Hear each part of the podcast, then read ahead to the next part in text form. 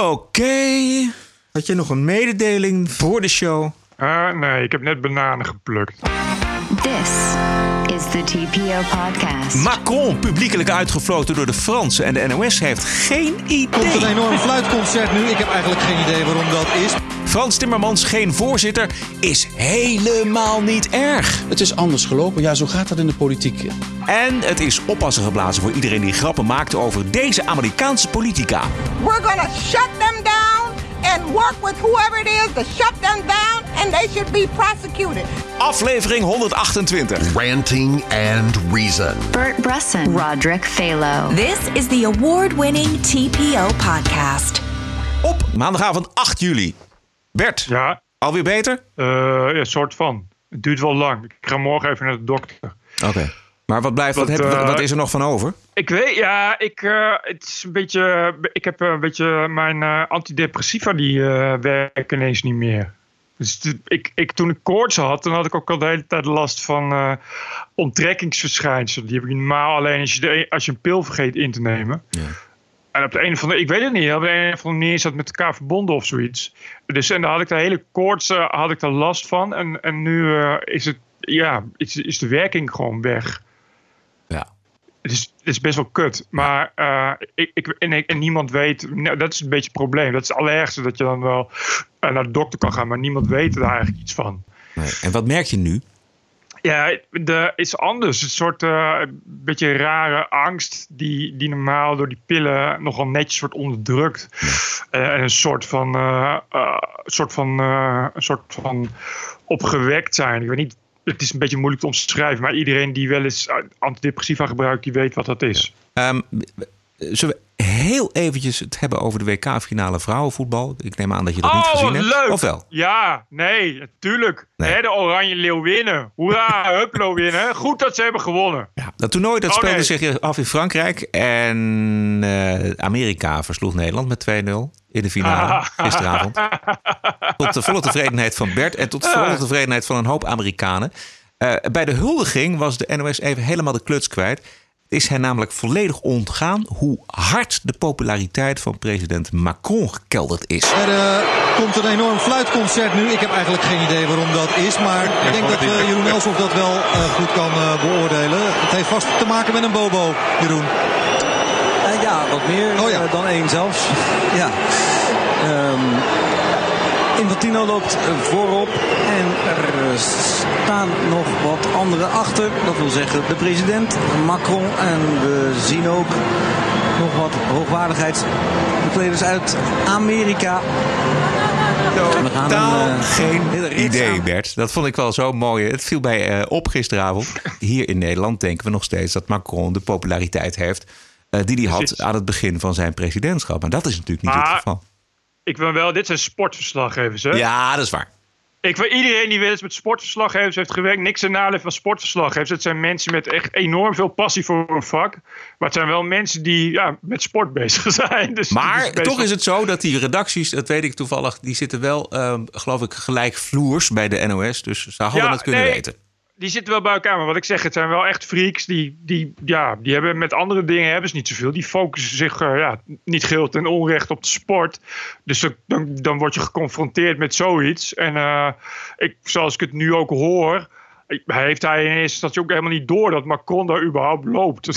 Dus die, Nee, die eerste niet, die tweede dan wel. Maar die kan ook niet de connectie leggen van eh, wat is daar aan de hand eigenlijk. Dus ze kunnen het, kijk, om- omdat ze het niet weten, kunnen ze het ook niet duiden. Want het, is- het was een, een hele rare moment was het eigenlijk. En je zag ook eh, toch wel een beetje Ja. het, het ongemak bij, bij Macron. En dat zou die eigenlijk toch wel moeten weten. Het is wel extreem trouwens. Ja. Ja, best precies. En het best, is, wel, best wel heftig. ja. en eh, die, die gele hesjes, daar weet iedereen toch wel wat van. Ja, maar het is wat je Zelfs zegt. sportmensen. Ja, maar, dit, maar er is gewoon heel weinig, wordt er verder over bericht. Weet je, Frankrijk is ook gewoon eh, in principe een ver weg land. En eh, als als er gele hesjes zijn, dan zijn het gele hesjes. Maar ook tijdens die gele hesjes eh, eh, wordt, werd er ook maar mondjesmaat over bericht. Weet je, uh, nie, er was niet echt een idee van hoe, wat de omvang en de impact was. En, en, en er wordt maar ja, een beetje, beetje verslag gedaan van vandaag is er weer een gele hesjesbijeenkomst. Ja. Maar heel veel wat, wat, er, wat er gaande is in Frankrijk, dat, dat, dat kan wel. Het is niet dat geen enkele krant daarover schrijft, maar je moet daar wel echt dan gaan inzitten. Ja. Dus, dus voor, de, voor 90% van de nieuwsvolgers is er gewoon wat je zegt, zeker Macron, daar is helemaal geen, mensen hebben ook geen idee wat er gaande is in Frankrijk. Maar desalniettemin uh, is het wel, ja, dat fluitconcert was wel toch wel opvallend. Ja, en, dus, en toch ook pijnlijk als ze het niet kunnen duiden. Of nou sportverslaggevers zijn of niet. Maar er hebben een paar miljoen mensen naar gekeken die, weten, die willen gewoon weten wat er aan de hand is. En het zou wel handig zijn als die verslaggevers dat weten. Een beetje. Kijken wij naar Den Haag, dan is de Tweede Kamer vrijdag met reces gegaan. Uh, laatste peiling van Maurice de Hond, peiling van gisteren is dat, die laat zien dat uh, de partij Democraten 66 uh, verder wegzakken. Mm -hmm. D66 meer dan gehalveerd in de peiling en weer een zetel ingeleverd. Inderdaad, de vraag is bij hoeveel zetels wordt de fractie onrustig? Hè? Want het kabinet tussendoor niet valt, dan zijn er verkiezingen in maart 2021. En als D66 er in de peilingen zo voor staat als vandaag, dan gaat er toch echt wel gezaagd worden aan de poten, volgens mij, van Job Jetten. Ja, er zal nu ook al paniek zijn, denk ik. Dat is eigenlijk al, al zo sinds provinciale statenverkiezingen. Ja. ja. Maar ja, ik geloof niet dat D66 veel kan momenteel. Nou ja, ze hebben natuurlijk een aantal mensen die ook in aanmerking komen en die misschien onrustig worden van deze stand. En als het kabinet uh, voortijdig valt, dan uh, zal er toch uh, in allerijl een, een, congres moeten worden georganiseerd.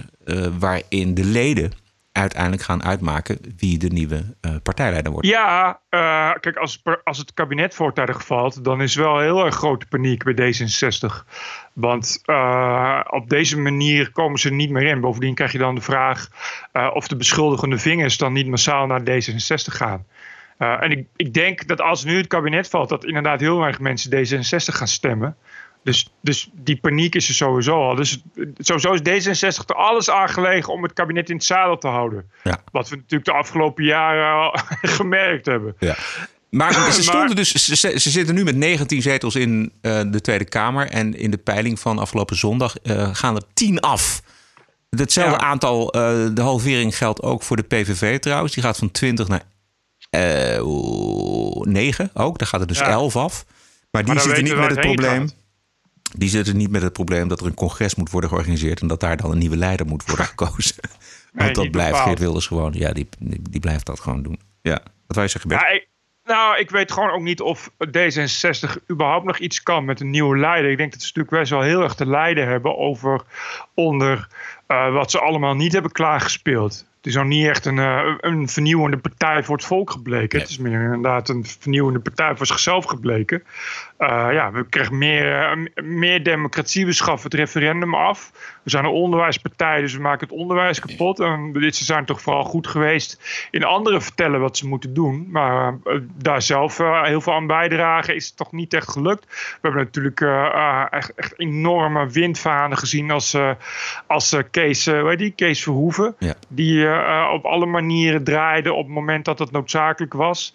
En natuurlijk ja, de, toch de bittere strijd van Alexander Pechtold. Tja, weet je, ik, ik, ik, ik betwijfel of er nog überhaupt nog een beetje buskruid in zit waarmee die kiezer nog gelokt kan worden. Want dat verhaal van, uh, van, het, van het moralisme en het, uh, en het deugen is natuurlijk flinterdun. Dat gaat natuurlijk één keer gaat het goed. Ja, uh, vrijdag bij BNR zei Jette dat hij het nog steeds onwijs naar zijn zin heeft, maar dat hij zich nog niet officieel gekandideerd heeft. Nou, dat heb ik nog niet uh, definitief besloten, maar ik heb het onwijs naar mijn zin. Uh, en ik wil heel graag een rol vervullen bij die volgende Tweede Kamerverkiezingen. Ik ga na morgen, uh, begint het zomerreces, ga ik nog ongeveer twee weken doorwerken en dan een paar weken rustig met vakantie.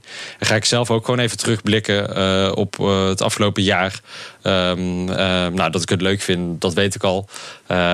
maar het, het vraagt ook veel van de rest van je leven. Ja, het vraagt ook veel van de rest van je leven. hij twijfelt toch een beetje, of niet? En hij, heeft ook geen, hij heeft ook geen geldig argument. Hij vindt het onwijs leuk. Dus jij hoort die twijfel ook? Ik hoor die twijfel zeker, ja. ja. ja. Ik, uh, ja, ik, ik kan me wel, ook wel wat bij voorstellen. Zeker omdat hij dus inderdaad op deze positie zit... dat hij zich nog niet officieel heeft uh, gekandideerd. Dan, dan is het toch een soort proefperiode. Ja, maar ik vind het dus raar dat hij dat dus nog niet gedaan heeft. Nou, het, het, nee? omdat hij dus zegt van... Uh, ja, kijk, dat, dat zegt van ik wil uh, wachten tot reces en dan ga ik op vakantie en dan ga ik nog eens terugblikken. En dan kan ik die beslissing nemen. En het is natuurlijk politiek gezien, ook voor je eigen cv, een stuk slimmer om eruit te stappen voordat je dat doet. Ja, oké. Nou, we gaan het uh, merken na de vakantie als uh, de politici weer terug zijn van reces. TPO Podcast. De nieuwe heldin van Links Europa heet Carola Rackete. Zij is kapitein van de veerboot Sea-Watch 3 dat onder Nederlandse vlag vaart. Carola Raquette, who works for a charity, was judged by a Sicilian court not to have broken the law when she forced a naval blockade and entered the port of Lampedusa. Captaining the Dutch-flagged Sea-Watch 3, she'd said her sole concern was the well-being of migrants who'd been at sea for more than two weeks. Ja, en de schepen blijven varen. Ook uh, een van Duitse organisatie, CI, die wel met succes is tegengehouden door de Italiaanse regering. Uh, toen is het schip naar Malta gevaren en daar worden de migranten nu verdeeld over de Europese Unie. En een belangrijk detail is dat de Libische autoriteiten uh, hebben aangeboden de migranten weer terug te nemen. Maar dat aanbod heeft CI afgewezen. Dat het ze vooral gaat om het afleveren van die migranten in Europa. Exact. Ja. ik, uh, die veerdiensten die varen al jaren en jaren door. En er komt maar geen enkele oplossing voor. Hè? Het ja. houdt gewoon niet meer op. En, en, en Salvini is dus uh, het, het, het icoon van wat je krijgt als je die veerdiensten jaren en jaren laat doorvaren. Ja, precies. We hebben het hier, even voor alle duidelijkheid, we hebben het hier niet over dat het strafbaar moet zijn om mensen uit zee op te pikken. Daar gaat het niet om. Het gaat erom waar je ze aflevert. En zondag zat uh, Matteo Salvini bij CNN, Christiana Mampour.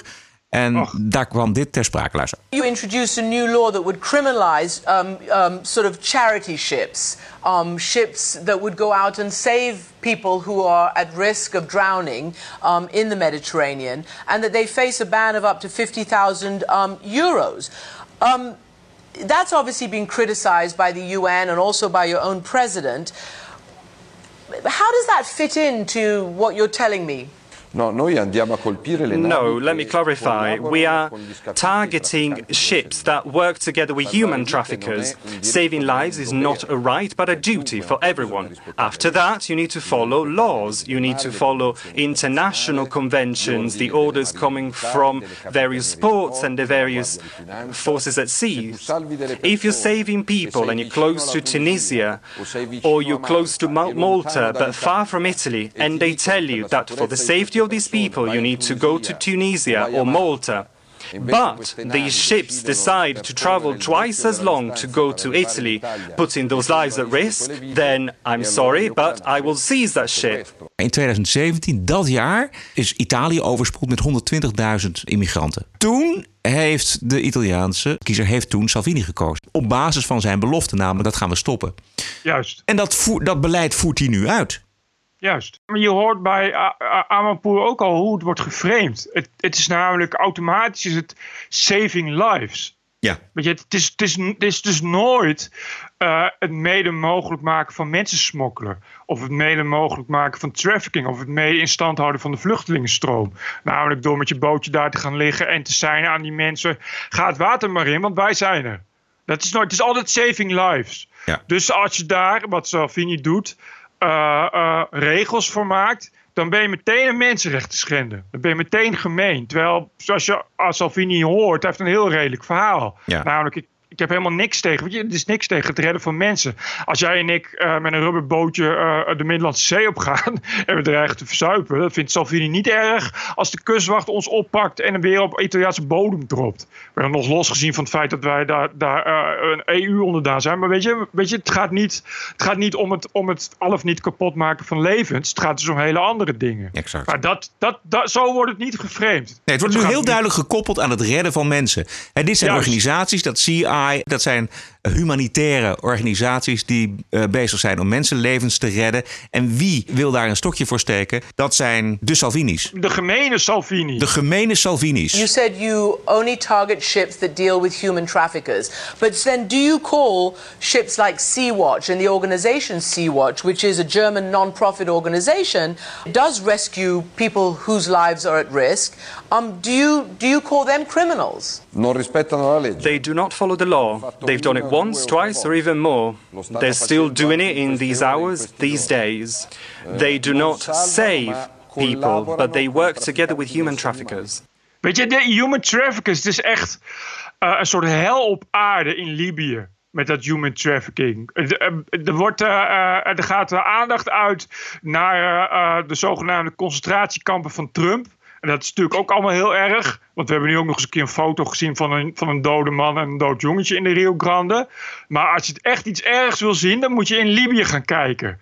In, in, in de echte concentratiekampen van mensensmokkelaars. Dan moet je je indenken dat die mensen onder de meest verschrikkelijke omstandigheden worden gehouden en gemarteld en, en weet ik veel wat. En dat allemaal door mensen die dat voor geldelijk gewin doen die het verder ook niet kan schelen wat er met die vluchtelingen gebeurt. Die voor heel veel geld vragen, uh, die heel rijk worden op, op, basis van heel veel leed. Daar hoor je dan niemand over. Het kan ook heel goed zijn dat die bootjes alleen maar kleiner worden, want ze worden al heel vrij snel aan de kust van Libië en Tunesië opgepikt. Die mensensmokkelaars weten ook dat er aan de andere kant uh, mensen zijn die de boel overnemen. Dus het hoeft maar een klein Absoluut. stukje te zijn ik weet niet of er, of er bewijs is dat die organisaties samenwerken met mensensmokkelaars. Maar het is wel waarschijnlijk dat daar, dat daar connecties tussen zijn. Omdat dat gebied tussen mensensmokkelaars en asielactivisten is natuurlijk heel grijs.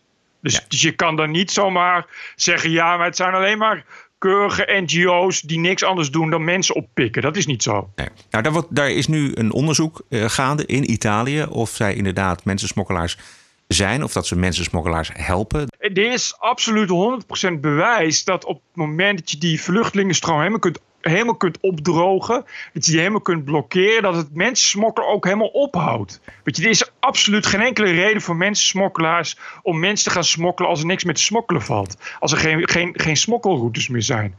En dat blijft continu buiten beschouwing. Dat vind ik het rare ervan.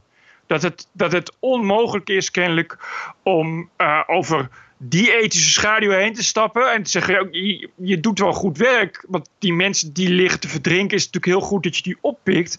Maar het gaat verder dan dat. Het is, het is breder dan dat. Op het moment dat, je, uh, dat die mensen weten dat er geen enkele manier meer is om die Middellandse Zee op te gaan. Dat, omdat je niet wordt opgepikt. En als je wel wordt opgepikt, dat je gewoon weer terug wordt gebracht naar Libië.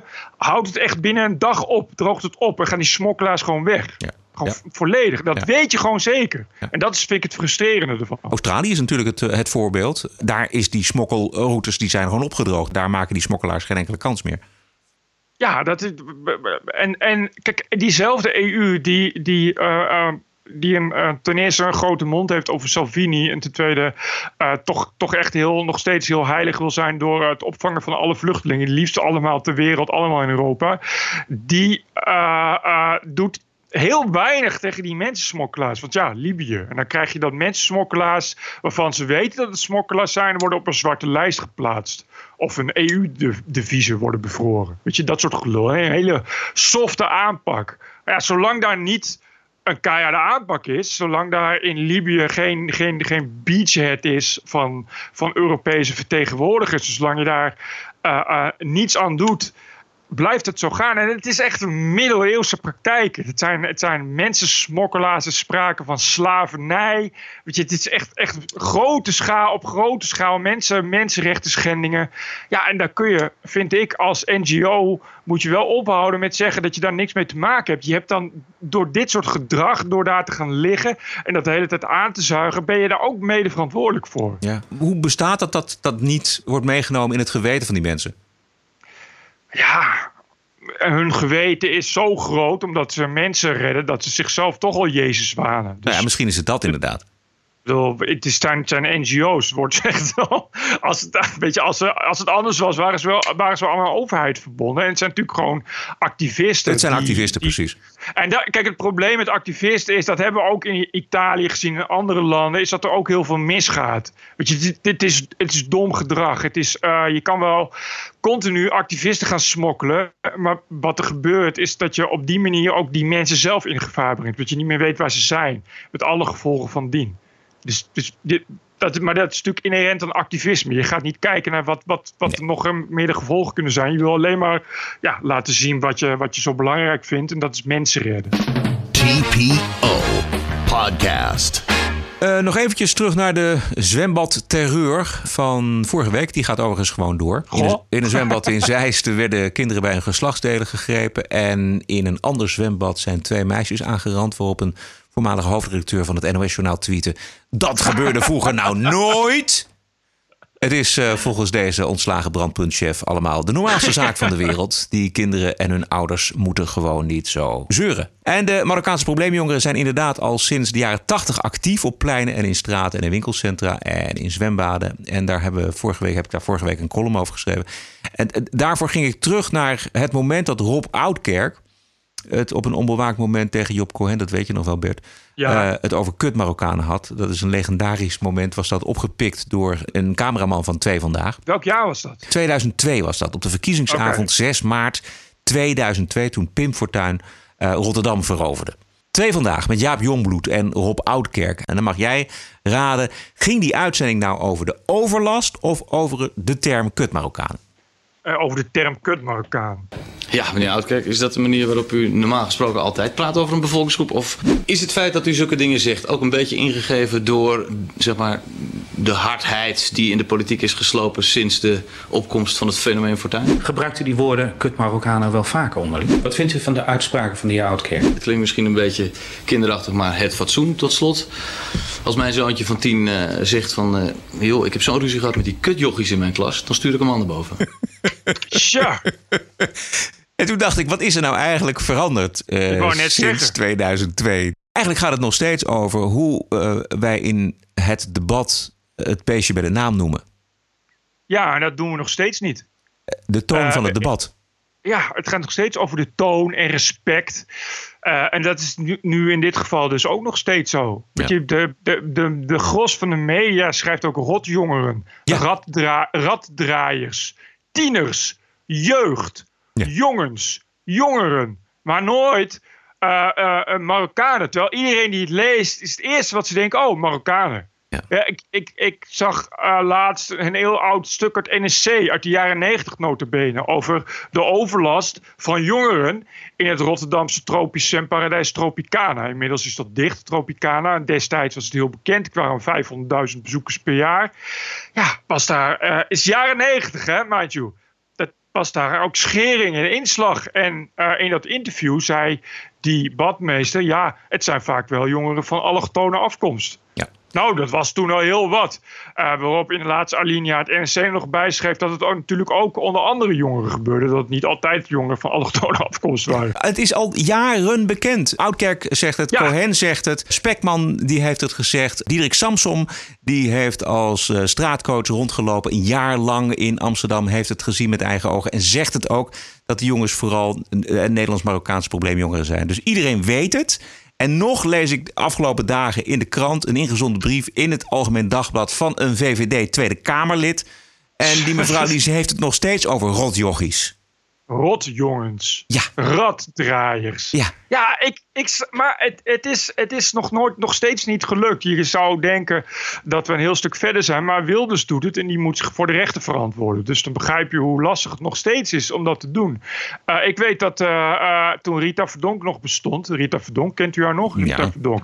Die was bijna de nieuwe Rutte geworden. Stel dat hij nu premier was, zit ik wel eens denken. Dat zou grappig zijn. Rita Verdonk was toen een keer op straat belaagd door rotjongens. Eh, waarop ze dat twitterden en vervolgens twitterden natuurlijk waren het Marokkanen. Wat ik vrij verhelderende tweet vond. Want dat was ongeveer het eerste wat ik dacht. Rotjongens, Rita Verdonk op straat, dat zullen dan wel Marokkanen zijn. Nou, daar heeft toch een week, uh, week over niets anders gegaan dan over het feit dat Rita Verdonk zomaar zegt dat het natuurlijk wel Marokkanen zijn. Tut, tut, tut, tut, tut, tut, tut. Uh, we hebben toen destijds bij de ombudsman, die oud-ANWB'er, die 150 jaar geleden ja. had gezegd dat de Marokkanen, of dat hij liever niet zijn eigen dochter in, in Amsterdam met de taxi liet gaan, want hij was bang dat hij dan bij een Marokkaan in de taxi kwam. Wat niet zo'n heel gekke gedachte was, zeker niet in die tijd, omdat er nogal wat problemen waren met taxichauffeurs, van 99% van Marokkaanse afkomst zijn. Nou, tut, tut, tut, tut, tut, tut, tut, Linda Voortman van GroenLinks heeft er speciaal een t-shirt voor ontworpen. Ook ik ben een Marokkaan, want oei, oei, oei, oei, we zullen toch eens een bevolkingsgroep noemen. En nu is dat precies hetzelfde. Nu zegt Wilders dat hij naar, uh, dat hij naar Bergen op Zoom wil. En dan zegt de PvdA-burgemeester, de PvdA-burgemeester, die destijds nog lid is geweest van een buurthuis, mind you, die dus op eigen kracht dit probleem heeft veroorzaakt. Zegt: nee, Marokkanen zijn niet het probleem. Wilders is het probleem. Dus die willen we hier niet. Tut, tut, tut, tut, tut, tut, tut, noemen we nu het Marokkanenwoord. Terwijl het is een hele kleine groep.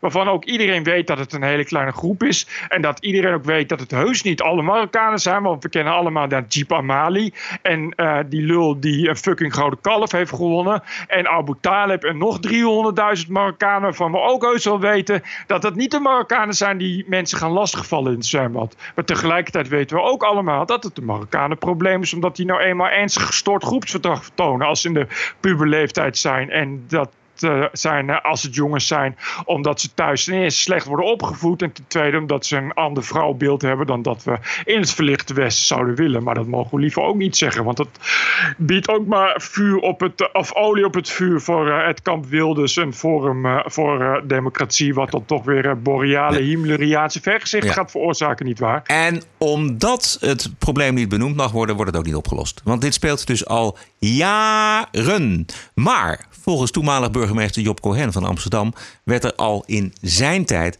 echt heel veel aan gedaan. Uh, er is binnen de gemeente al sinds jaar en nee, niet sinds jaar en dag, maar een aantal jaren is er een project bezig uh, tegen agressie en geweld. We zijn bezig met, uh, met jeugdcriminaliteit. En het spreekt vanzelf dat daar deze groep een belangrijke rol in speelt. En daarnaast is het natuurlijk ook zo dat er een heleboel Marokkanen zijn waar het verrekte goed mee gaat. Afgelopen zondag bijvoorbeeld was ik nog in, bij de uitreiking van de El Hijra literatuurprijzen. Waar je een zaal vol hebt met met mensen die uh, zich geweldig met literatuur bezighouden. Je hebt dus Marokkanen die de boel op stijl te zetten en je hebt Marokkanen die van literatuur houden. Wat echt grappig is, is uh, dat uh, de Marokkanen en de projecten waar Job Cohen het nu over heeft, dat zijn nu de Marokkanen die in de mokromafia zitten. Ja. Dat waren namelijk de, de Marokkanen in, onder andere in de Diamantbuurt. Dus dat zijn nu de Marokkanen die liquidaties plegen uh, en zich schuldig maken aan ernstig georganiseerde misdaad. Dat zijn de Marokkanen en de projecten waar Job Cohen het hier over heeft. Ja. ja. Maar het is dus blijkbaar een probleem wat niet alleen in Nederland speelt. Het speelt ook in Duitsland, ook in België, ook in Frankrijk. Ja, het gaat natuurlijk om, om mensen uit een, uit een clan-cultuur. en, en mensen uit, uit uh, achtergebleven families waar, uh, waar het gemiddelde IQ niet te hoog is. Onopgeleide gezinnen die nogal moeite hebben met opvoeden. En zeker bij de jongens. Uh, levert dat een, uh, een zeer groot probleem op. Ja. Dat, is, maar dat is dus bekend. En dat, ik snap niet waarom, waarom als de zomermaanden het zwembaden opengaan, waarom je niet één of twee uh, grote stevige mannetjes, bij voorkeur uh, mannetjes die uh, Marokkaan zijn, waarom je die niet gewoon met een extra knuppel laat, laat, laat patrouilleren. Ja. Dat, is, dat is de manier om dat soort overlast tegen te gaan. Ja, als je dat eens seizoen doet, volgens mij, dan heb je er verder geen last meer van. Ja, en het hoeft niet eens een probleem te zijn. Het gaat erom dat je die jongens, dat je die jongens stevig beetpakt in een nekvel en, en buiten de deur houdt. En dan zegt Toeledoki, je komt er hier niet meer in. Dat is toch niet zo moeilijk. Nee. Maar dat is, dat is het probleem. Dat is, het probleem is, dat is ook wat, dat is hoe, hoe de jongens worden opgevoed. Dat is ook hoe ze uh, uh, op straat met elkaar communiceren. Namelijk in Nederland kun je het gewoon doen. Ja. Dat is heel nou ja, en dus ook in andere landen, ook in Duitsland, ook in, ja, ook in nou Frankrijk. Ja, maar wacht even, als ze met honderden over de hekken komen, dan heb je aan drie uh, stevige uh, Marokkanen met een uh, honkbalknuppel, heb je ook niet zoveel volgens mij. Nee, maar je moet dus van tevoren zorgen dat ze niet over de hekken willen komen. Ja. En dan moet je vanaf dag één, vanaf de allereerste minuut, moet je daar dus dan duidelijk in zijn. Namelijk, als je over de hekken komt, dan heb je een probleem. Dan lossen we dat op, op de manier op waarop jij dat het beste verstaat. En dat is niet de Hollandse manier.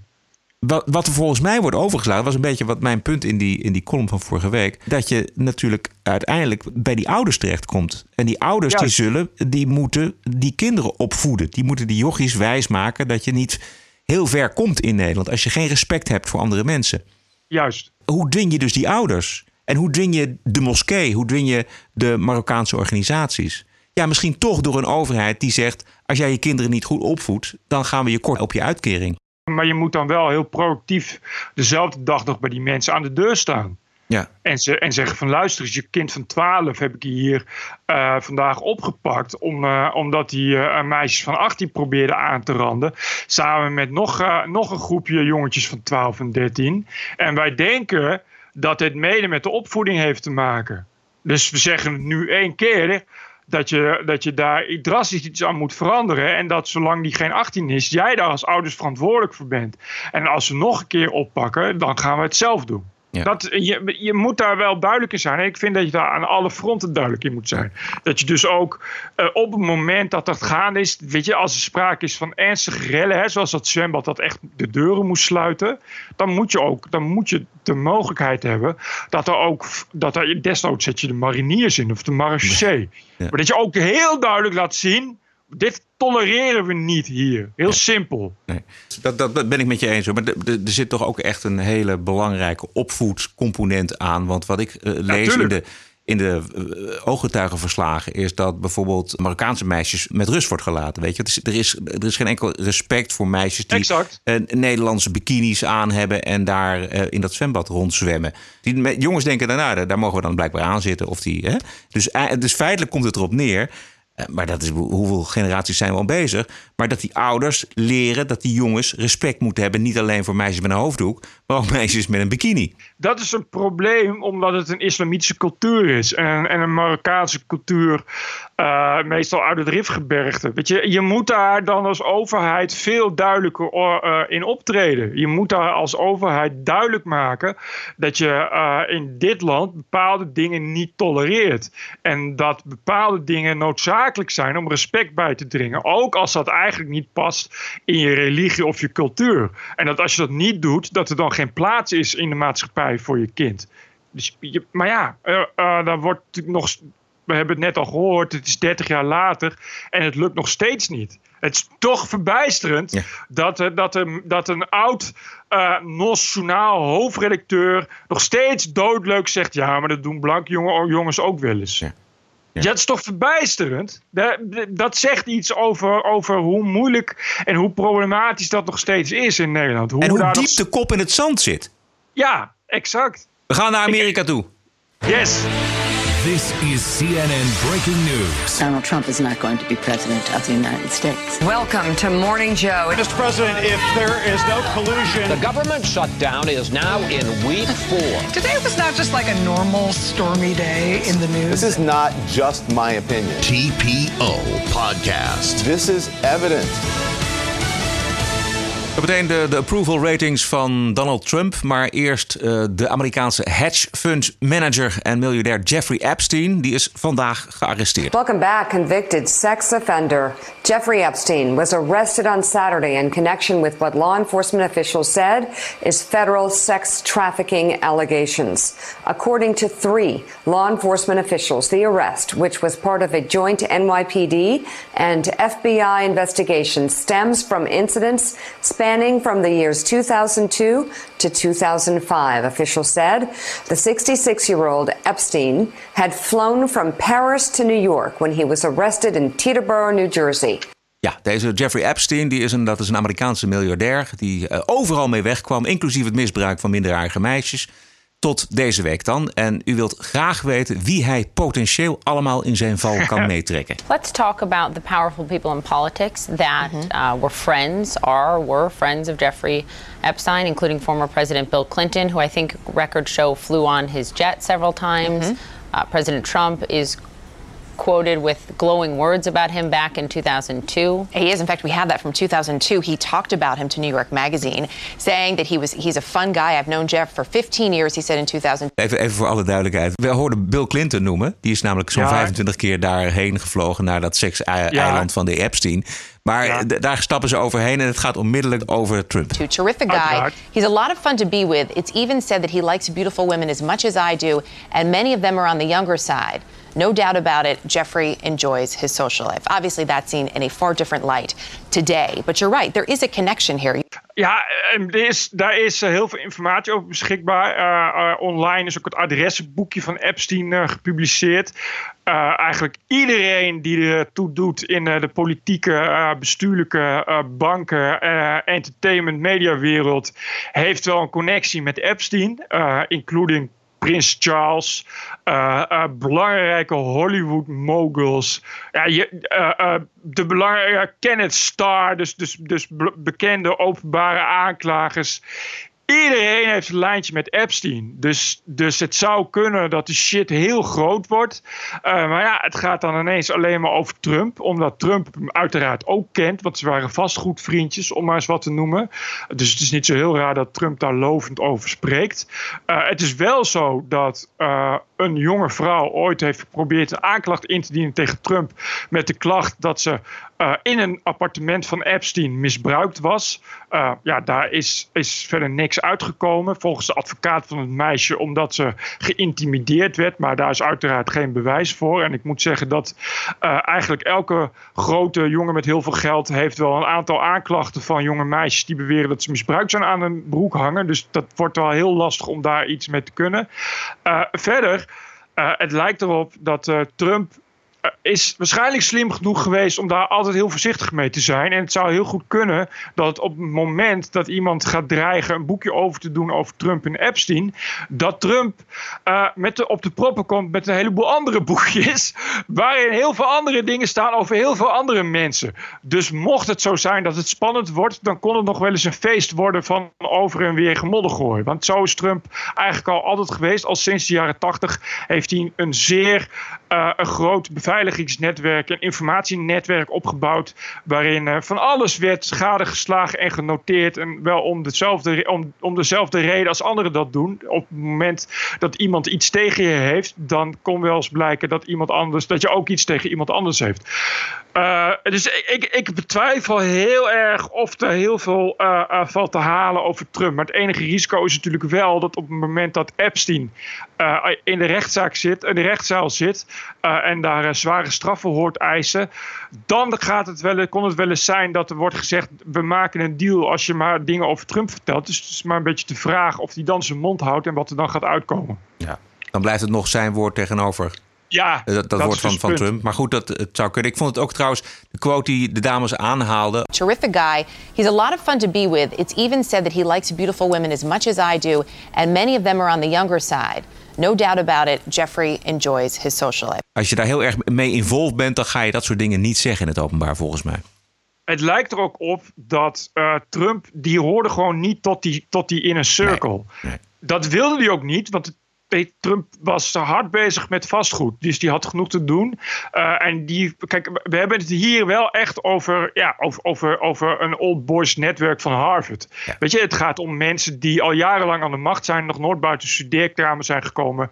En dan inderdaad bij elkaar komen in een clubje om stiekem dingen te doen. Trump hoorde daar niet bij, want Trump is natuurlijk een self-made pauper die die, die, die van eh, verkeerd goud en verkeerde vrouwen houdt. Dus die zat daar niet in. De- eh, dat is, dat, die was ook niet, die macht ging het ook niet om. Het ging echt inderdaad om, ja, om, om zoals we het kennen, de, de, de typische elite eh, en, het, en de typische problemen die daarom spelen als je zoveel macht hebt. Hens de Clintons.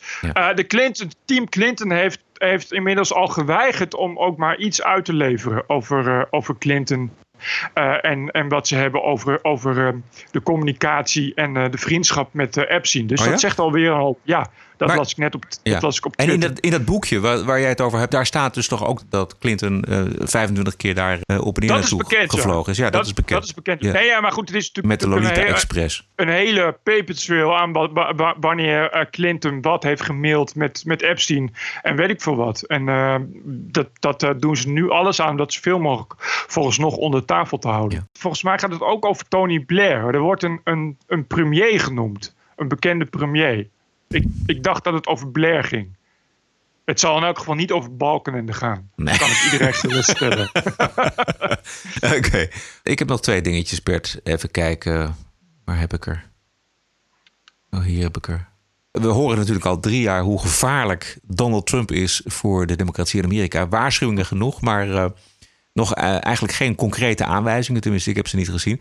Eh, die zijn er wel van de andere kant van het politieke spectrum. Dit is eh, een democratische afgevaardigde eh, voor de staat Florida. Haar naam is Frederica Wilson. Those people who are online making fun of members of Congress are a disgrace. And there's no need for anyone to think that is unacceptable. We're going to shut them down and work with whoever it is to shut them down, and they should be prosecuted. Dit klinkt als een, als een hele krachtige vrouw. Dit is Deze wel, vrouw, eh, ja, deze vrouw verschijnt altijd met een cowboyhoed op. En eh, zij is eh, niet bang voor een paar stevige uitspraken. En in combinatie met haar stem is dat toch wel heel erg grappig, moet ik zeggen. je ziet de internettrollen sidderen en beven, Ja, zal ik maar zeggen. Ondertussen geniet Donald Trump het hoogste vertrouwen onder de Amerikanen sinds hij president is. David, that Washington Post poll that uh, Susan just referenced, it shows President Trump's approval rating at its highest level uh, among registered voters since he took office. We've seen good news on the economy. It continue to be something the president uh, is going to um, continue to boast about, and uh, and the president is also coming off a time where he's certainly seemed to be doing things, and whether that, some of those are controversial. But uh, I was on the trip, of course, to Japan, where uh, the president was right in the mix with a number of foreign leaders, and of course, uh, a, a big sort of showy uh, meeting with Kim Jong Un on at the DMZ. Uh, a lot of experts say that's something that, that it's not going to maybe make any breakthrough on the question of the nuclear uh, question with North Korea, but it's certainly something that the president seems to be uh, demonstrating that his resolve and sort of showing that he's, you know, uh, on, on the world stage. I think um, certainly can can lead to him looking more presidential in that regard. Juist. Trump staat er uitermate goed voor. En we hebben nog een jaar te gaan, volgens mij. Ja, zo'n beetje. Ja, iets, iets meer en dan een jaar. vergeet, vergeet niet de laatste onlangs vier, de eh 4th of July viering. Ja. Eh, daar was natuurlijk meteen heel veel controverse over. Want Trump had twee tanks besteld en deed heel veel met militairen.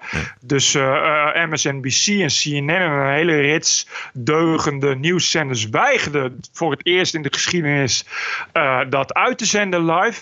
Eh, en er werd van tevoren eigenlijk al gezegd dat er eh, waarschijnlijk heel weinig mensen gingen komen. En achteraf bleek dat het helemaal volgepakt stond met mensen. Want je raadt het nooit. Amerikanen vinden dat dus mooi. Ameri- Amerikanen zijn patriotisch en vinden dus dit soort vertoon, dus, dus inderdaad militairen en straaljagers en een president die, die, die, die, een, die een verhaal houdt over vrijheid en, en weet ik veel wat, die vinden dat mooi. Weet je, en, en, dan, en dan zie je dus die journalisten, die begrijpen dat gewoon. Ben je dan nog een serieus te nemen nieuwsorganisatie? Ja of nee? Nee, volgens mij Nee, maar wat snap je dan weinig van de Ja. mensen wa- waar je het voor doet? Ja. Weet je, wat snap je dan weinig van Amerika? Ja, Als het, ik bedoel, het zijn echt wel heel rits presidenten hebben dat ook al gedaan met tanks en militairen. Maar nu doet Trump het en dan is het allemaal fascisme en Hitler. Weet je, ja, je, je ziet hoe populair dat is. Dat het helemaal volgepakt staat. Hoe geweldig die mensen dat vinden. En het is natuurlijk ook geweldig. Als je het kijkt, denk je van ja, dat ziet er geweldig uit. Dat is show. Dat is precies wat deze president de hele tijd begrijpt. Weet je, showmanship. Laten zien, laten zien wat je waard bent. Laten zien waar, waar, waar het om draait. De waarde, de enorme voor die is gekozen om die in de etalage te zetten. Ook al kun je ze niet allemaal naleven. Ja, nou ja, natuurlijk, natuurlijk gaan dan je approval ratings omhoog. Eh, Bert, ben ik wat vergeten? Nee. Volgens mij eh, eh, was het wel eh, accuraat en spot on, zoals, altijd. Yes! Tot zover aflevering 128. Vindt u dit een leuk geluid, een belangrijk geluid? Steun ons dan met een donatie. Dat vinden wij heel erg fijn. Kunnen wij uh, nieuwe apparatuur verkopen, allerlei zaken onderhouden. Dat helpt ons en de podcast en uiteindelijk natuurlijk u zelf ook. Ga naar tpo.nl slash podcast. Daar vindt u de mogelijkheden om iets te doneren. We zijn terug dinsdag 16 juli. Heb een mooie week en tot dinsdag. Ik ga de barbecue aanmaken. TPO Podcast. Bert Brussen, Roderick Balo. Ranting and Reason.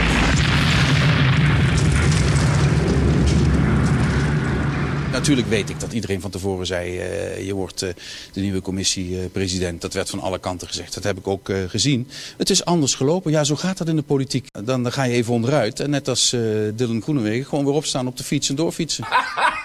Podcasting is the TPO podcast in the Netherlands. Bert and Roderick. What a show. I'm telling you.